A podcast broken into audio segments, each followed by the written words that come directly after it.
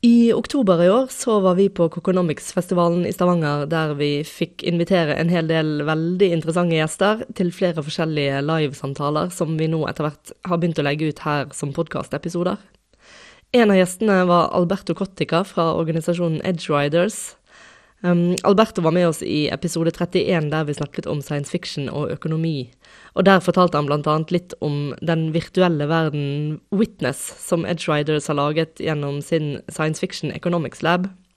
Eh, og som er en verden som er basert på ulike alternative økonomiske systemer, der man kan dikte historier for å utforske systemene og hvordan det ville være å leve i de. Men organisasjonen Edge Riders gjør mye mer enn å drive The Sci-Fi Economics Lab. Alberto han kom til Stavanger sammen med sin kollega og medgründer Nadia Alter. Og morgenen etter samtalen om science fiction så fikk jeg en liten prat med Nadia om hvem Edge Riders er, og hvordan de bruker sin spesielle metode med kollektiv beslutningstaking og nettverksanalyse for å finne veier framover i komplekse sosiale og politiske spørsmål. Det får du høre mer om rett etter jinglen vår.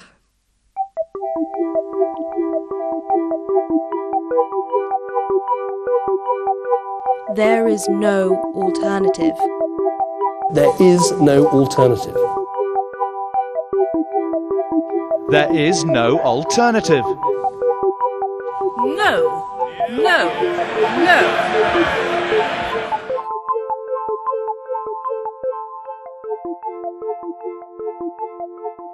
Edgeryders provides a method and technology for detecting errors in inferences made with machine learning. That's very specific. That's very specific. So, um, machine, let's say, with the AI debate, there's a lot of there's a lot of discussion around biases or around faulty assumptions. Um, you mean things like uh, facial recognition, where some faces are uh, recognized and flagged a lot more than others, for example? That's one example. Another might be um, what conclusions you think you can draw from how your the results of your your your your processing of of, of data, right? And so what we do is we use anthropology and specifically ethnography as a lens to look out into the world because um, with ethnography, you get access to what the world looks like, what an experience um, is like from the perspective of the people concerned and that can help detect errors in reasoning or conclusions that might be made by a machine. And that, that's the simplest way I can explain it. Right. But then what do you do with it once you have detected those errors? So um, it can be used in any instance where um, we're using machine learning or algorithms to influence our decisions around welfare choices, uh, detecting fraud, and uh, if we're trying to detect fraud in um, social security payments, or if we're trying to, anytime we're trying to use technology to make decisions about resource allocation and in, in welfare provision, that's a typical example of where we might come in. Or if we're trying to introduce new technologies or new ways of doing things on a population, that's a typical example where we might be coming in.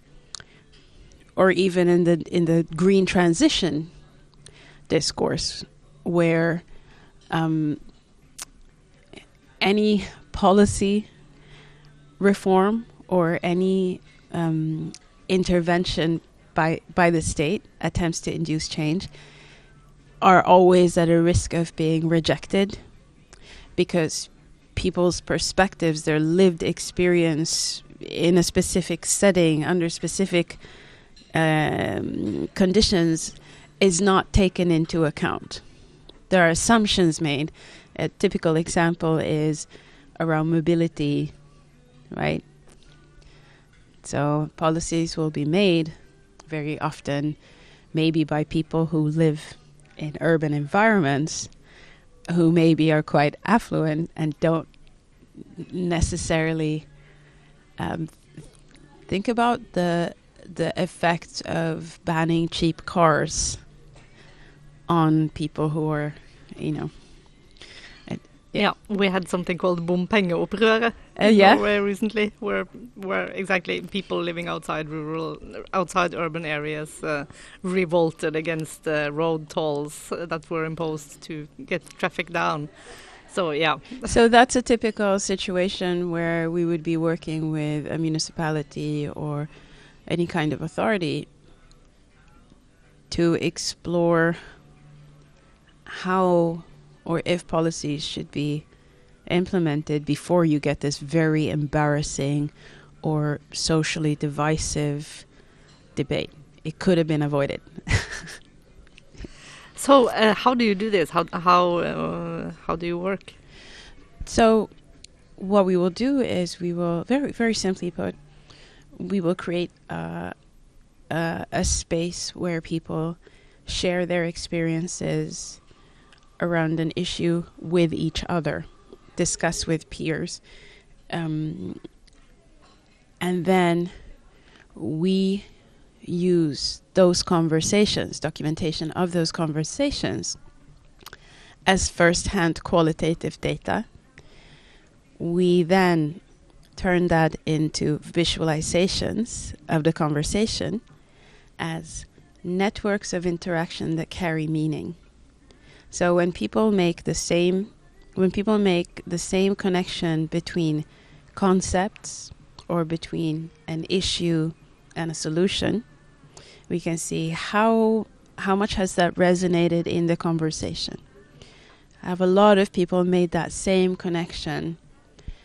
Okay, what does that actually mean? And then you feed the results back into the conversation. Say, "Hey guys, this is what the this is what the conversation looks like. What does this mean? Should this is how we're interpreting it? That is this accurate? No, well, actually, when I said that thing, you need to take into account that so and so is the situation or this law had changed or and so people make it richer and richer and richer and then um, at some point we say stop and we say this is what the collective intelligence is saying about this issue or this place so it's it's finding answers when you don't necessarily know what the right questions are. And this is what's so powerful about this approach as opposed to say a survey or uh, situation like anything where somebody else has framed an issue and asks you to discuss within that very narrow frame i think is method- methodologically problematic because people don't think of things using the same words. They don't look at things from the same perspective, and you need to have you need to have access to how people understand the situation, which words they use, what they think is interesting or relevant. So are you engaged by policymakers, or do you start your own conversations, or how does this work? Both.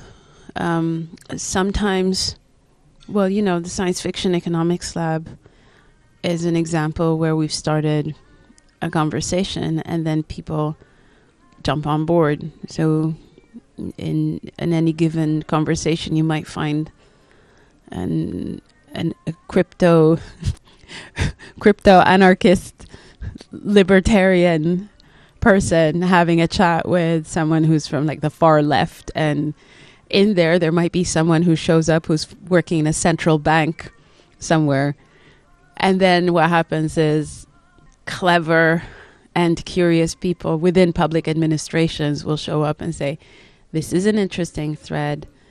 This is something that I would like to look into in our mus- municipality or in our department because I can see a connection with this issue that we're looking into. So that's an example where we start a conversation. Another is uh, organizations will come to us because they know that we're kind of those strange people that do strange things, and if they want to do something that they're not sure wh- how to do or where to even begin, they'll say, "Let's just talk to let's talk to those crazy people at Edgeryders because we have a methodology and a track record, so it's safe." But yeah, I think that's you you you come to Edgeryders when you have a messy, complex situation.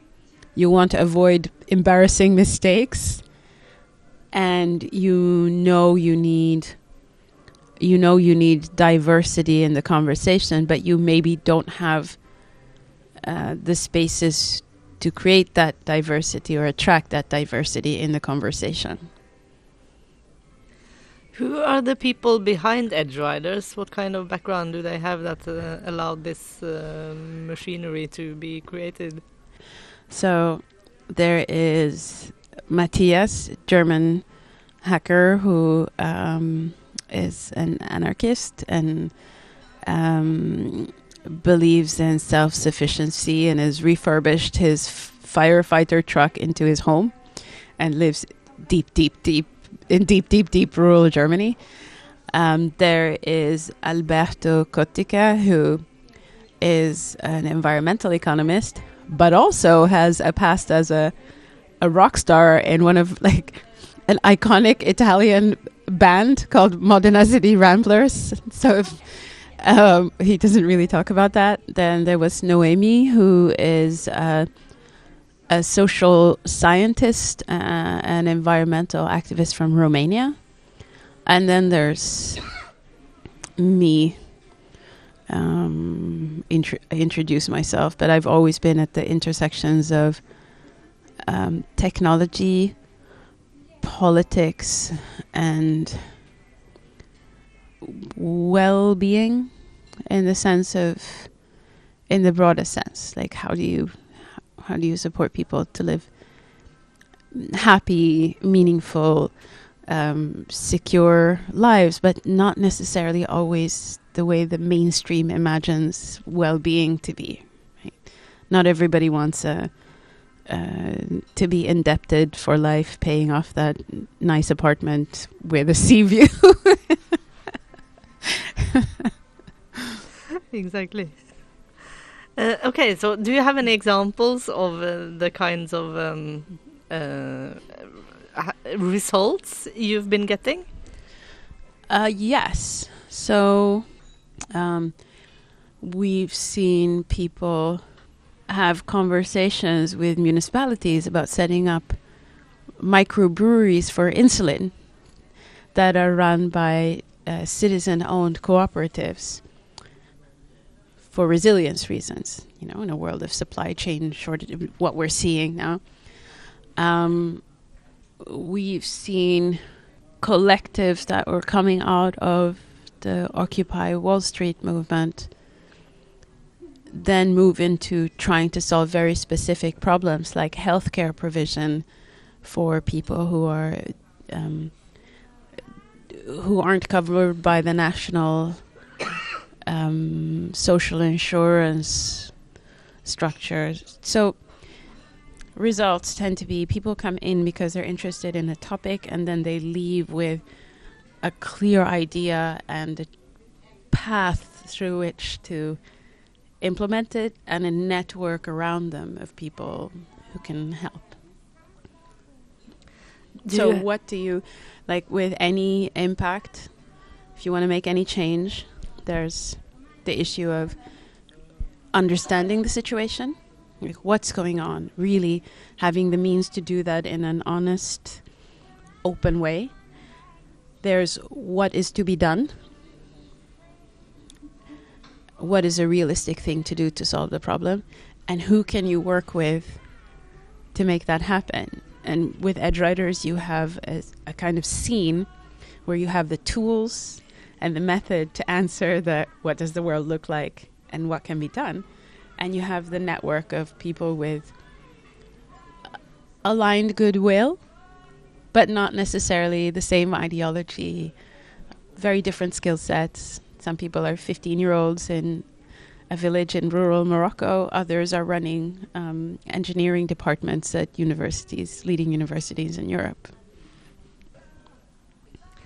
Okay, so if some of our listeners think this approach or this method and your organization sound interesting uh, and uh, would like to explore it further, what should they do and what kind of people or organizations are you interested in connecting with? In the Norwegian context, I think we're interested in two different, very different kinds of organizations. One is companies that are aware that things are changing and need to change, but don't understand how they're going to position themselves on the right side of history in a meaningful way. I think there are a lot of those kinds of industries in Norway. On the other end, it would be private foundations, I think, that have a lot of scope for shaping or influencing the direction in which institutions then move. Because they're they're they can be quite independent and they can put something on the table that acts as a kind of lighting uh, a, a lighthouse for hey this is a completely different way that we can maybe approach this this situation you know. And how people can engage with us, well, you can just come to us and, and say, hey, this is the situation, or this is a topic or a question that is, is a burning question for me. I, I don't even really know how to begin. And then we can sit down and look at, all right, what is it you're really trying to find out? And can we build a conversation, a conversation around that? I think where we're going, where we are going next, is we're really zooming in on certain issues like housing, food, well-being, and researching really creative ways that people have solved those issues all over the world and that have been following a completely different logic mutants that defy the mainstream logic or perspective. Collecting those stories and making them accessible to a broader audience so that we can show that there are there are real alternatives that exist. They might not look like what you imagine, and the people might not at all be, you know, the kinds of people who you thought would be doing this, but I think those experiences are very important, especially in a situation where we're all looking at like the coming collapse. it's like, how are we going to do this? Well, there are people who are out there. We know a lot of them. That's where that's that's what the next steps are, making that knowledge understandable, accessible. Do you have any uh, examples, any uh, stories that come to mind that we could um, that you would like to share before we end?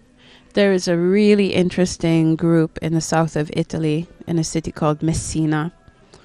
Um, they have built a system um, around addressing issues of extreme inequality and and dignity for very very very marginalized groups. Their work is pretty amazing. They've um, gotten people out of the slums and set up completely new kinds of social housing. They have set up an energy, a people's energy company where what you pay is determined by an algorithm based on what your income, for example. Um, they've understood that they've set it up so that they have a steady income stream to finance uh, cultural projects or social projects, not being dependent on the state by uh, by by selling energy, basically. Um, it's a it's too long to go into. It's a 20 year history, but that's a group. So the Community Foundation of Messina. Really interesting. and that's a story that's on on Edgeryders already that you can check out. Cool. Maybe uh, we can find some funding to visit them and make an episode from there sometime. They're super interested. They're super interested. Uh, Like a lot of these groups out into. So I think um, in the Nordic countries, I think we maybe forget that there's a world beyond. You take a problem like criminality, like where I'm from, lots of gang violence. And I say, well, why don't we look at what the Sicilians have done? they've been dealing with this issue fairly successfully for a very long time. But no, it's very internal debate, right? So the problem is that a lot of these groups, you know, the, Europe is extremely diverse. There's lots of different languages. People don't necessarily speak the same, so uh, the same languages. So we don't really have access to the wealth of knowledge that's out there. Um, so I think it's I, I think it would be a, a really worthwhile endeavor. And the same the the same the same the other way around. There's a lot to be learned from um, all kinds of initiatives in the historical development in the Nordic countries, like the Folkhögskola. It's a unique, singular story that you know a lot of a lot of our successes as civilization, like as a, as societies, can be attributed to this idea of what it means to be educated, inner personal development, and the infrastructure that supports that, right? So the exchange, I think, is very important. And if you can find um, resources to do that, and if people can find resources to go out into the world, outside the bo- borders of Norway, or you know, go out into the world and and see what's there, I think it would be very interesting, fun, and enriching.